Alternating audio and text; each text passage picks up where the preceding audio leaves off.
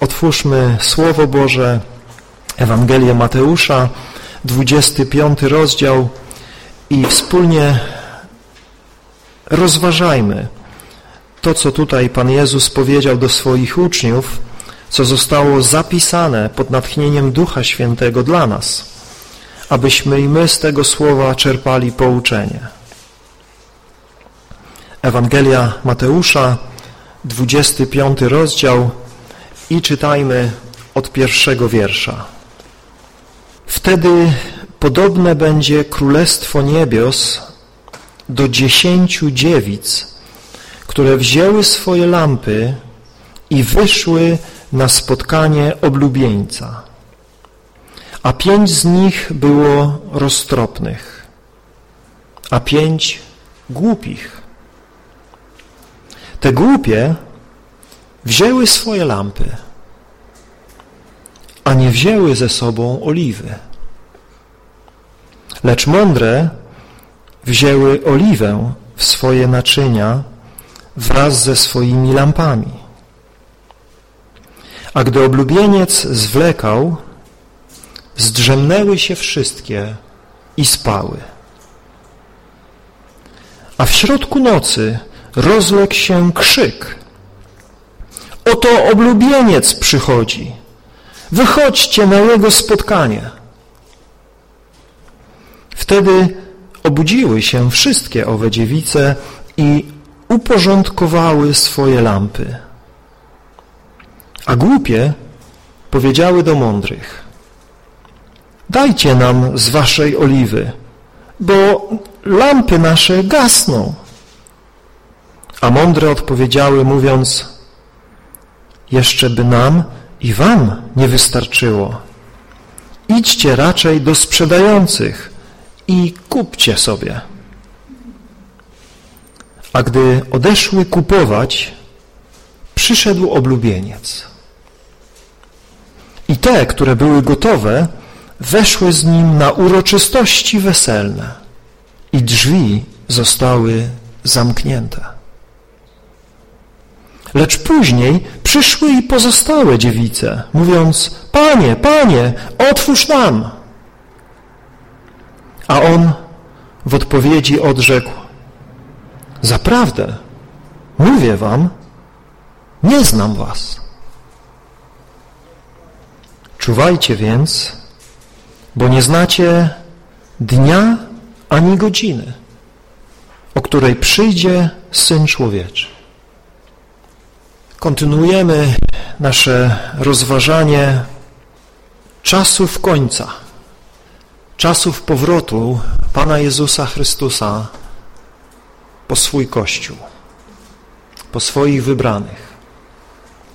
Ten świat od wieków mówi o długim czasie, długim czasie funkcjonowania i życia i wydarzeń tego świata.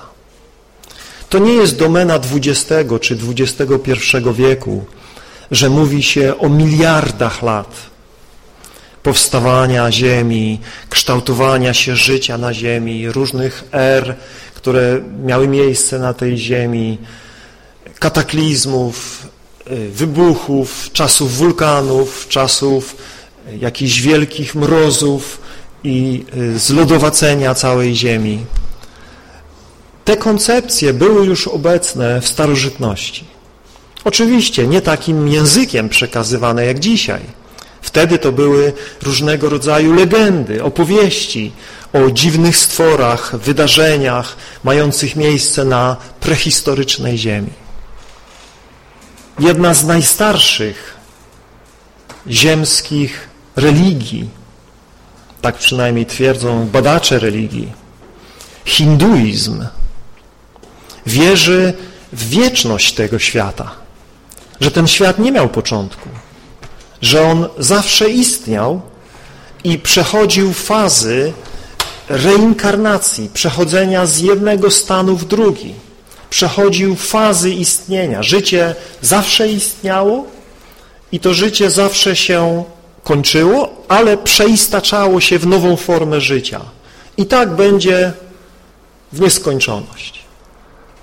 A więc wizja hinduizmu jest wizją wiecznego istnienia tego, co widzimy, tyle że my jesteśmy w pewnej fazie tego istnienia i każdy z nas jest w pewnej fazie swojego istnienia, ale istnieliśmy zawsze, tylko że w innej formie i będziemy istnieli zawsze, tylko w jakiejś innej formie, w zależności od tego, jak żyjemy, czy dobrze, czy źle. Jak dobrze, to będziemy żyli w lepszej formie. Jak źle, to się urodzimy jako glizda, jako robak, jako komar, jako nie wiadomo co, jakieś inne stworzenie i będziemy musieli odcierpieć za nasze złe życie, a potem jak dobrze odcierpimy, to się odrodzimy znowu w wyższej formie życia. I to są takie koncepcje pogańskie.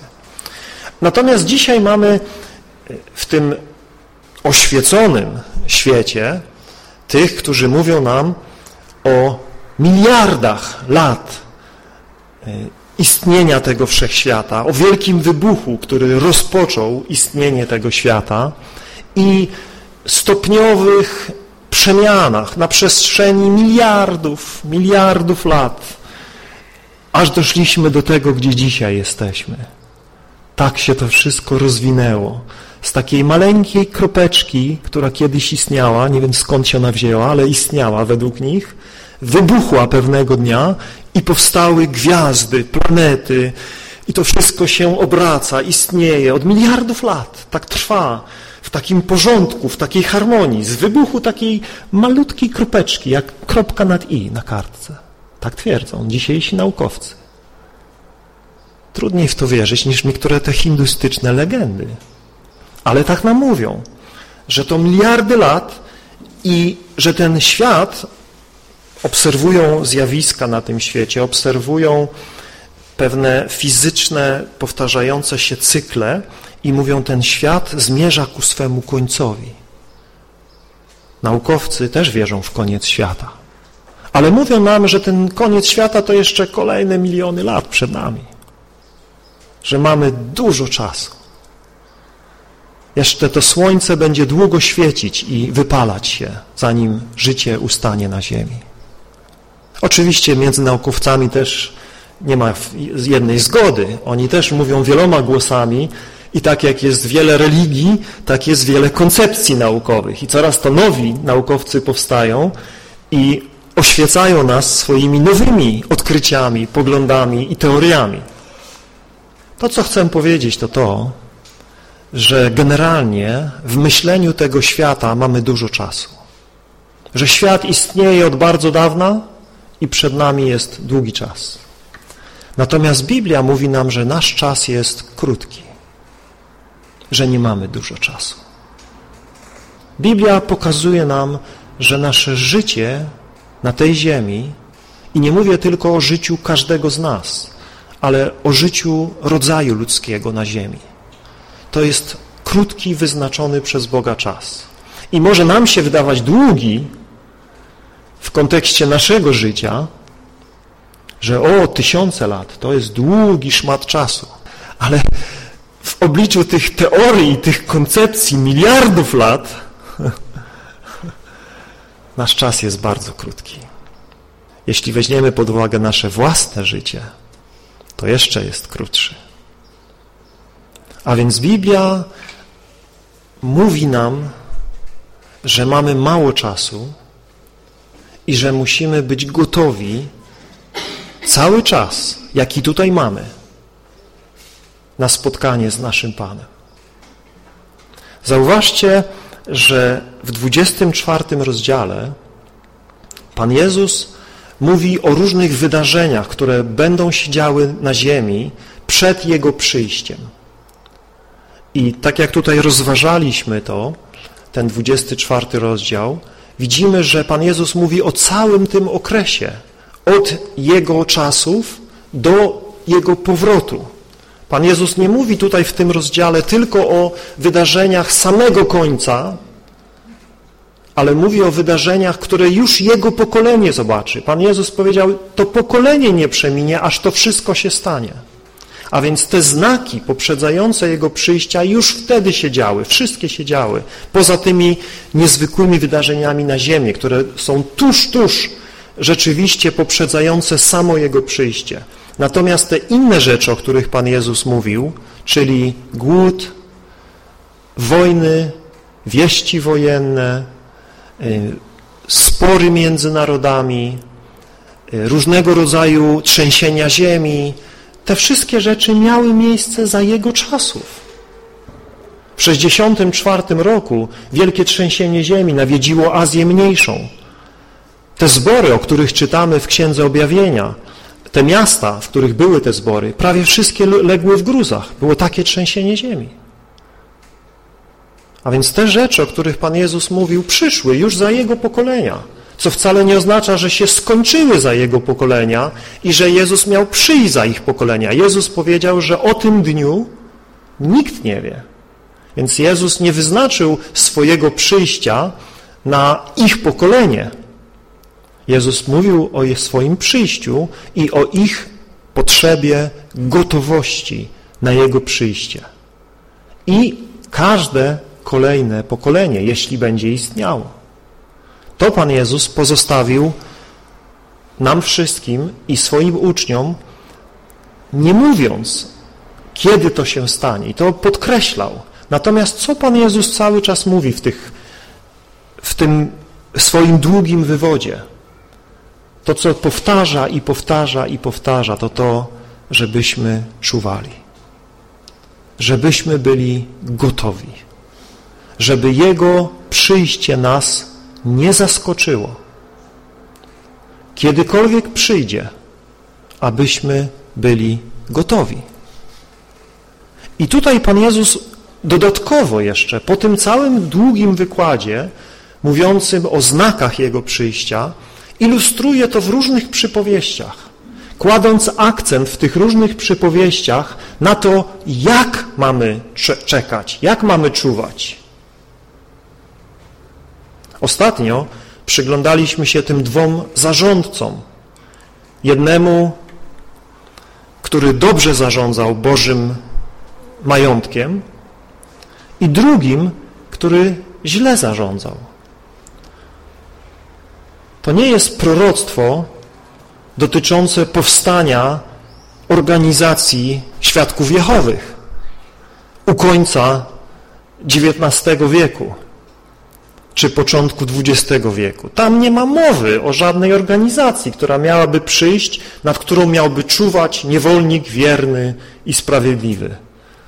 To jest totalny absurd, żeby wczytywać w tego typu przypowieści jakieś proroctwa o tym, co ma się wydarzyć. Ale niestety na przestrzeni wieków różni sprytni, zwiedzeni przez szatana ludzie brali tego typu miejsca Słowa Bożego i przypisywali je do swoich czasów, do swoich okoliczności, kreując jakieś swoje błędne wizje. Musimy bardzo uważnie czytać te przypowieści Pana Jezusa w kontekście całej Jego wypowiedzi, od początku 24 rozdziału do końca 25 rozdziału. To jest jedna całość. Tutaj Pan Jezus cały czas trzyma się konsekwentnie jednego tematu. I widzimy, jak ciągle powtarza, tak jak tutaj w trzynastym wierszu, zauważcie, znowu to powtarza. Czuwajcie więc, bo nie znacie dnia ani godziny, o której przyjdzie Syn Człowieczy. To tego dotyczy również ta przypowieść. Tak jak w 24 rozdziale widzieliśmy to, że Pan Jezus mówi w wierszu 42. Czuwajcie więc, ponieważ nie wiecie, o której godzinie przyjdzie wasz Pan. Wiersz 36. O tym dniu i godzinie nikt nie wie. Wiersz 44. Dlatego i wy bądźcie gotowi, bo Syn Człowieczy przyjdzie o godzinie, której się nie domyślacie. A więc daremnie trudzą się wszyscy domyślający się, jaka to będzie godzina. Pan Jezus mówi, nie ma szans. A więc po raz kolejny Pan Jezus zwraca naszą uwagę na potrzebę czujności, na potrzebę gotowości. A więc o tym jest ta przypowieść. Ta przypowieść nie mówi o tym, że musimy być zawsze punktualni i na czas, bo jak nie, to drzwi zostaną zamknięte i będziemy wołać i pukać i już nas nie wpuszczą. Pan Jezus tutaj w tej przypowieści nie uczy o punktualności. Pan Jezus też w tej przypowieści nie uczy o tym, że nie mamy się z nikim dzielić. Jak te mądre panny nie chciały się podzielić z głupimi. Powiedziały, nie, nie, My nie możemy się z wami podzielić oliwą, bo nie starczy dla nas i, i wam będzie za mało, więc idźcie sobie kupcie. Więc Pan Jezus nie uczy nas tutaj, że nie mamy się z nikim dzielić i że jak ktoś do nas przyjdzie i o coś nas będzie prosił, to mówimy nie, nie, bo dla mnie nie starczy. I, idź i sobie kup. Pan Jezus tego nie uczy w tej przypowieści. Chociaż niektórzy mogą to tam wyczytać i oprzeć się mocno i zacytować nam z Biblii wiersze i powiedzieć, zobacz, widzisz, Pan Jezus mówi, nie, nie, nie, ktoś do Ciebie przyjdzie i Cię prosi, to nie dawaj mu. Widzicie, jak można e, dryfować i brnąć i wymyślać i wczytywać różne koncepcje, o których Pan Jezus nie mówi. Więcej. Zauważcie, że w tej przypowieści jest oblubieniec, ale gdzie jest oblubienica? Zauważyliście oblubienicę w tej przypowieści? Gdzie jest oblubienica? No to o czym tu jest mowa? Oblubieniec, kto to jest? Wiadomo, Pan Jezus. On jest naszym oblubieńcem. On jest oblubieńcem Kościoła. A Kościół to kto? Oblubienica. A tutaj nie ma oblubienicy. Czyli o kim to jest? Kim są te panny? Skoro to nie Kościół, to kto to jest? Świat? Świat czeka na oblubieńca? Czeka na spotkanie oblubieńca? Nie. To nie pasuje. A więc może mamy tutaj jakieś dwie klasy. Może mamy jakieś dwie grupy wierzących. Jest Kościół, jest oblubienica i są te głupie panny i mądre panny, czyli jakaś inna klasa chrześcijan. Jest jedna klasa chrześcijan, która jest w oblubienicy i inna klasa, w tych pannach. Widzicie, jakie można sobie religijne bzdury wymyślać? Pan Jezus, mówiąc o Kościele, posługuje się różnymi obrazami. Nie zawsze nazywa Kościół oblubienicą. W innej przypowieści mówi o Kościele jako o gościach weselnych, którzy przychodzą na ucztę do króla. Tam też jest uczta, tam też jest wesele, ale tam Kościół jest reprezentowany przez gości weselnych, a nie przez oblubienicę. Tutaj wierzący ludzie, widzialny Kościół jest reprezentowany przez te dziewice, przez te panny. Jakie panny, jakie dziewice? Co to, o co tu chodzi? One czekają na oblubieńca? Co on, dziesięć będzie poślubiał naraz? Nie. Tutaj mamy pewien obraz z tamtych czasów. I Pan Jezus posługuje się tym obrazem, tym razem skupiając się na tych pannach, a nie na oblubienicy. Ale cały czas mówi o tym samym. Cały czas mówi do swoich uczniów. Cały czas mówi do tych, którzy chcą iść za Nim, którzy mają czekać Jego powrotu. W tamtych czasach, kiedy nastąpiło wzajemne ślubowanie młodych, oni mieli troszkę inną koncepcję niż my, narzeczeństwa, ale najbliższe nasze słowo, które to oddaje, to narzeczeństwo. Tyle, że to była troszkę inna koncepcja. Kiedy rodzice już się dogadali ze sobą, rodzice młodych i zgodzili się, że ci młodzi mają się pobrać, spotykali się i formalnie ci młodzi sobie ślubowali wierność małżeńską. Ślubowali sobie, że będą mężem i żoną.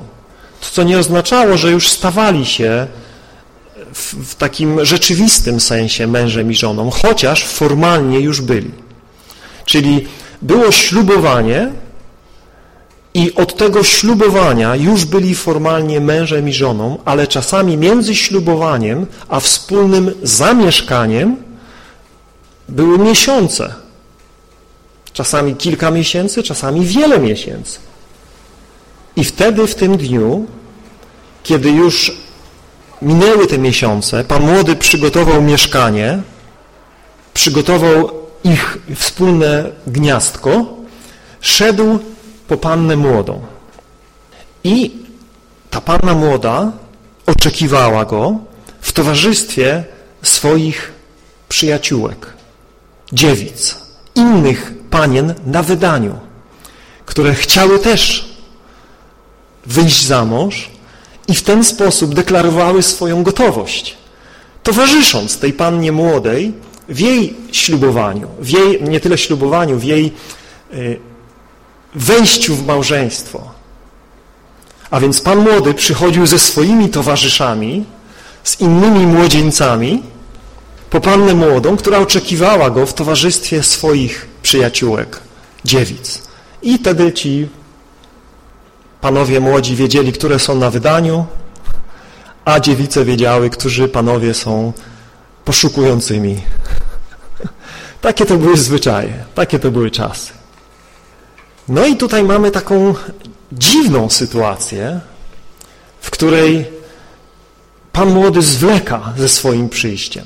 Jest ustalona jakaś pora, czy wiedzą, że ma przyjść, że to już teraz, że to ten czas. Wiedzą, że to ten czas, ale czekają, czekają, wychodzą na spotkanie te, te, te, te dziewice, ale ten pan zwleka, pan młody zwleka, nie przychodzi. Zauważcie, że dziesięć oczekuje przyjścia oblubieńca. Dziesięć ma lampy. Tak było w tamtych czasach. Jeśli to było wieczorem, w nocy, najczęściej tak było, że to był wieczór, ten orszak y, ślubny panien, panien młodych był właśnie wyposażony w lampy. I to były takie małe lampy, to były takie naczynka, w których znajdował się knot i oliwa. I nie było dużo tej oliwy tam. To nie, to nie były lampy, które mogły płonąć przez ileś dni. To były lampy, które mogły płonąć przez parę godzin. Dwie, trzy godziny maksymalnie. A więc te panny, te panny miały te, te lampy, które sygnalizowały ich gotowość na przyjście i zazwyczaj wiedziały mniej więcej jaka to jest godzina, więc wystarczyło mieć tą lampę i wtedy Pan przychodził, zapalali czy płonęły cały czas te lampy i ruszali w tym orszaku później z tą panną młodą do domu Pana młodego, aby tam już weselić się, radować i oddać pannę młodą w ręce Pana młodego, żeby już żyli jak mąż i żona. I tutaj te dziewice, widzimy, mają wszystkie lampy, ale tylko połowa z nich ma dodatkową oliwę. Jedne i drugie mają lampy. Tak naprawdę jedyna różnica między nimi, zauważcie, jest taka, że jedne mają tą oliwę, drugie jej nie mają. Reszta cała jest taka sama. Zauważyliście?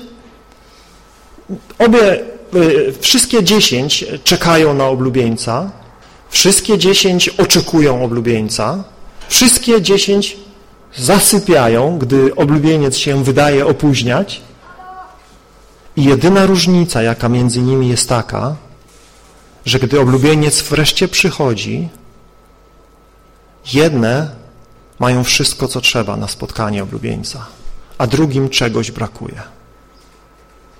Jedne i drugie mają lampy. I te jedno nawet jeszcze czytamy, że jakby płonęły, takie jest wrażenie, to, że gasną, te lampy im gasną, że, że już tam kończy się ta oliwa. A więc miały lampy, które płonęły. Ale te lampy, gdy oblubieniec przychodzi, już prawie zgasły. Te drugie natomiast mają lampy, mają olej, mogą dolać i lampy pięknie świecą, gdy oblubieniec przychodzi. I to jest jedyna różnica. Jedyna różnica w tej przypowieści. A więc czego Pan Jezus próbuje swoich uczniów nauczyć? Co mówi do nas przez tą przypowieść? Oczywiście wielu kaznodziejów skupia się na oliwie i mają różne koncepcje, co to jest ta oliwa. Najwięcej chyba dzisiaj mówi się, że oliwa to Duch Święty, że to pełnia Ducha Świętego. Inni mówią, nie, ta oliwa to wiara, to prawdziwa wiara. Że ta lampa to wyznanie, to zewnętrzne wyznanie, wyznanie, że jestem chrześcijaninem, że wierzę w Jezusa, że czekam na Jezusa. Ale wielu wyznaje, ale nie ma wiary. Natomiast ci, którzy mają wiarę, to są te mądre panny. One mają wyznanie i mają wiarę. Jeszcze inni mówią, nie, nie, to, to nie to. To są dobre uczynki. Ci, którzy mają lampę, to są ci, którzy tak tylko robią coś dobrego na pokaz. Że tak robią, że inni to widzą. Ale jak ich nikt nie widzi, to oni nic nie robią. To oni tam sobie odpoczywają, to oni sobie się swoimi sprawami zajmują, jak inni na nich patrzą, o tak, wtedy to robią, no bo to, ale, ale nie ma tej, tej oliwy, tego, tego ciągłego czynienia dobrze. A więc widzicie, różni kaznodzieje, różni komentatorzy Pisma Świętego różne rzeczy tam dopatrują się w tej oliwie. Pytanie, czy jesteśmy w stanie jednoznacznie stwierdzić, o czym Pan Jezus mówi, gdy mówi o tej oliwie. Czy Pan Jezus tutaj mówi o zielonoświątkowcach i baptystach? Zielonoświątkowcy mają Ducha Świętego, mają olej, a baptyści mają tylko lampy, nie mają Ducha Świętego, nie mają oleju. Czy o tym Pan Jezus mówi? Czy mówi o charyzmatykach i niecharyzmatykach? Czy rzeczywiście o tym tu jest mowa? Czy to odnajdujemy w tym kontekście? Czy raczej Pan Jezus nie mówi o gotowości? Mówi, czuwajcie więc, bo nie znacie dnia ani godziny, o której przyjdzie Syn Człowieczy. Tak Pan Jezus podsumowuje tą kolejną historię. Mówi o czuwaniu i to o pewnego rodzaju czuwaniu znowu. Jaka jest różnica między lampą a oliwą w bańce, w kanistrze, w kubłaku, w czymkolwiek mieli tą oliwę? Ano jest różnica taka, że ta lampa to rzeczywiście coś, co no jest widoczne, coś, co jest jakby tym, tym głównym elementem, o co tutaj chodzi. Natomiast ten kanister, ten, ta bańka z oliwą, no to taki, taki dodatek, tak? Żeby to działało, to trzeba mieć jeszcze to. No ale bez tego, bez tej bańki, to ta lampa nie będzie długo działać. Ona tylko przez jakiś czas będzie działać. Jeśli dobrze rozumuję, jeśli dobrze myślę, a rozważcie to, bracia, siostry, czy tak nie jest, to myślę, że Pan Jezus mówi o takich właśnie ludziach w Kościele, o takich pannach, które uwierzyły w Jezusa, które uwierzyły, że On jest oblubieńcem, jest tym Panem, który przychodzi po swój Kościół i zapaliły swoje lampy, złożyły wyznanie, uznały Go za swego Pana. Mówią, tak, ja wierzę, że Jezus przychodzi.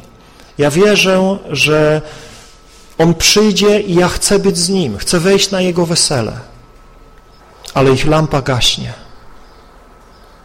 W ich lampie brak jest oliwy. Ich duchowe życie gaśnie. Swego czasu płonęło. Jak zaczynali, jak startowali, to mieli oliwę. Tak. Ale nie pomyśleli o tym, że to nie jest kwestia tylko wystartowania. To nie jest tylko kwestia złożenia jakiegoś wyznania. To nie jest kwestia zapisania się gdzieś. To nie jest kwestia zrobienia czegoś na początku, ale to jest kwestia dobiegnięcia do mety. To jest kwestia czekania na Pana, aż przyjdzie.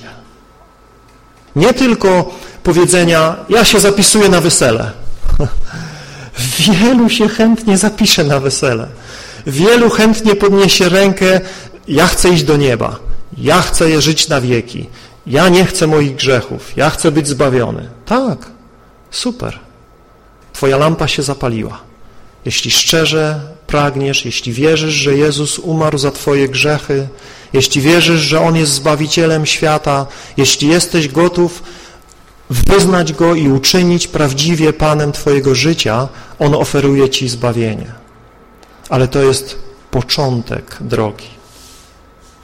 To jest pierwszy krok na drodze życia, na drodze zbawienia. Później przychodzą różne okresy. Pokuszenia, przeciwności, zmęczenie, znużenie, zniechęcenie. I co wtedy? Iluż jest takich, którzy, jak Pan Jezus mówi, z radością przyjęli Słowo, ale uciechy tego świata, przyjemności, bogactwo zaduszają w nich to życie. Tak, kiedyś mieli życie, kiedyś to życie się pojawiło. Była realna radość, z radością przyjęli Słowo Boże. Ale co jest dzisiaj? Dzisiaj ledwo dyszą. Dzisiaj już tylko została forma. Dzisiaj już tylko jest jakiś pozór wiary. Dzisiaj już tylko jest lampa, ale ta lampa nie świeci. Ta lampa ledwo się dymi. Jest pozór bycia panną oczekującą oblubieńca. Bo jest lampa. Z daleka te wszystkie panny mogą wyglądać tak samo. Nawet to światło płonące w lampach tych mądrych panien może z daleka sprawiać wrażenie, że tam wszystkim się świeci. I tak jest z wieloma ludźmi, którzy są w Kościele. Niestety, tutaj zobaczcie, pół na pół, Pan Jezus mówi. To dobrze by było, jakby tak było. Dobrze by było, jakby to chociaż pół na pół było, ale obawiam się, że procenty mogą być inne. Nie wiem, jakie są, Bóg jeden wie. Ja mogę widzieć lampę, ja mogę mieć wrażenie, że wszystko jest ok. Ale tylko Ty i ja będziemy wiedzieć, gdy Pan się zbliży do naszych drzwi, gdy nas wezwie do siebie, gdy okaże się, że to już czas. I wtedy, się, wtedy nie będzie wątpliwości, czy nasze lampy płoną i czy jesteśmy gotowi na Jego spotkanie, czy mamy kopcącą lampę, czy mamy już tylko sam knot, w którym nie ma oliwy i nie ma ognia i nie ma życia. I to wierzę jest sens tej przypowieści Pana Jezusa. Że nie wystarczy sama lampa, nie wystarczy sama deklaracja, nie wystarczy przyłączenie się do orszaku y, weselnego, ale potrzebny jest ogień, potrzebne jest życie, potrzebne jest gotowość na przyjście Pana w takim sensie, że gdy On przyjdzie, to będziemy pełni ognia, będziemy pełni życia, a nie jakiegoś dymu.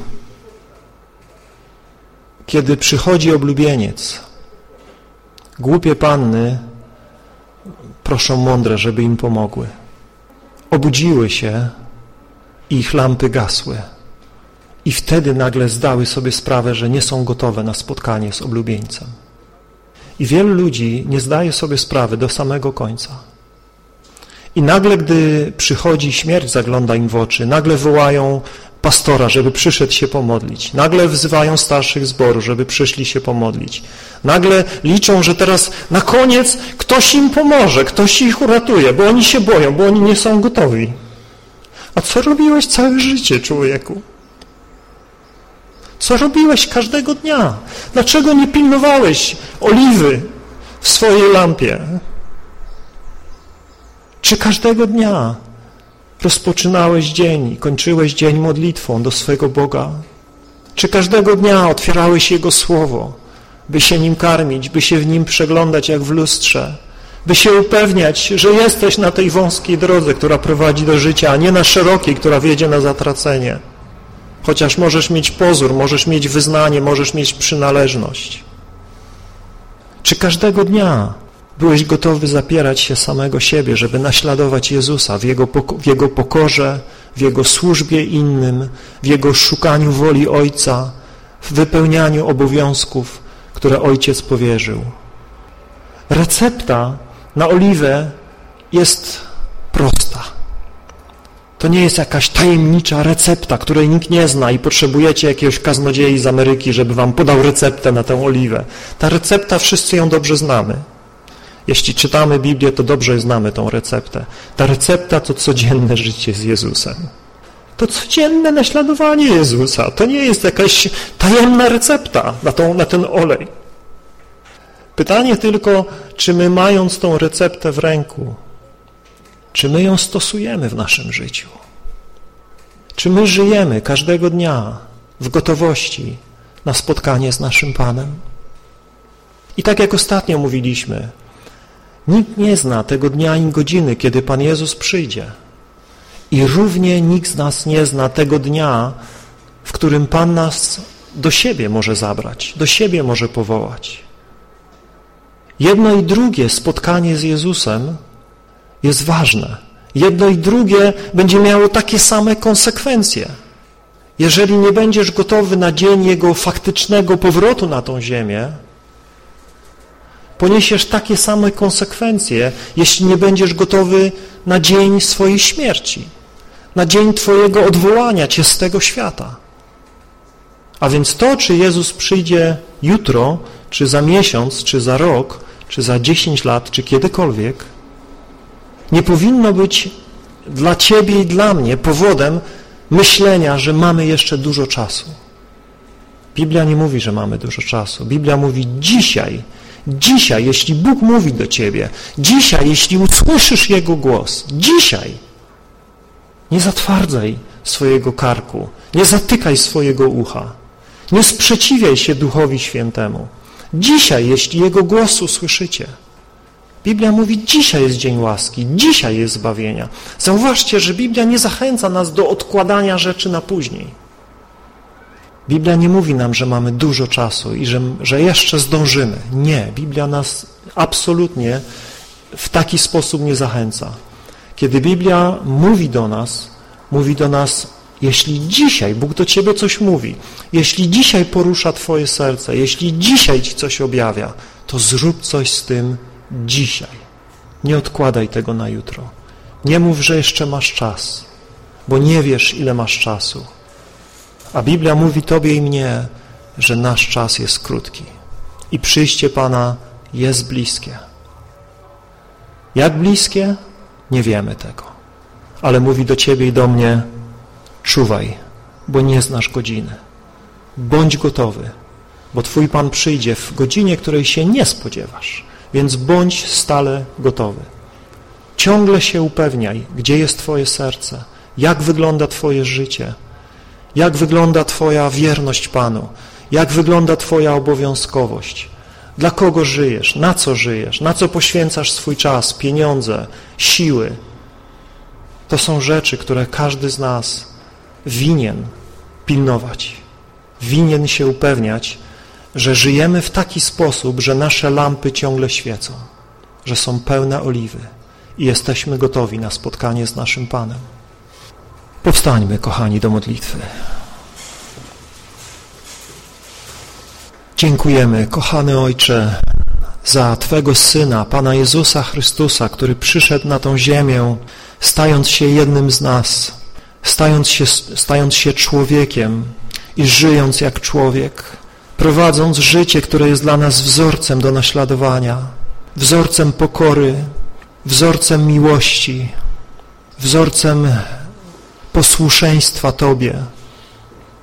Jezus jest drogą, prawdą i życiem. I w naszym życiu był taki dzień, był taki czas, kiedy z łaski Twojej zrozumieliśmy to, że bez Jezusa nie ma życia, że nie znajdziemy Go w naszej religijności, w naszych staraniach, w naszych wysiłkach. Nie znajdziemy Go nigdzie indziej, jak tylko w Jezusie. W Nim jedynie jest przebaczenie naszych grzechów. W Nim jedynie jest nasze usprawiedliwienie, usynowienie. W Nim jedynie mamy nadzieję zmartwychwstania i wiecznego życia w raju na ziemi, w, nowym, w nowej ziemi, na nowej ziemi, w nowych niebiosach, gdzie Twój tron będzie źródłem światła i życia i szczęścia. Dziękujemy, że otworzyłeś nasze oczy na kruchość naszego życia, na krótkość naszego życia, że jesteśmy tylko pielgrzymami i ten świat nie jest naszym domem i nasze bogactwo nie powinno być w tym świecie. I to wszystko zrozumieliśmy z łaski Twojej.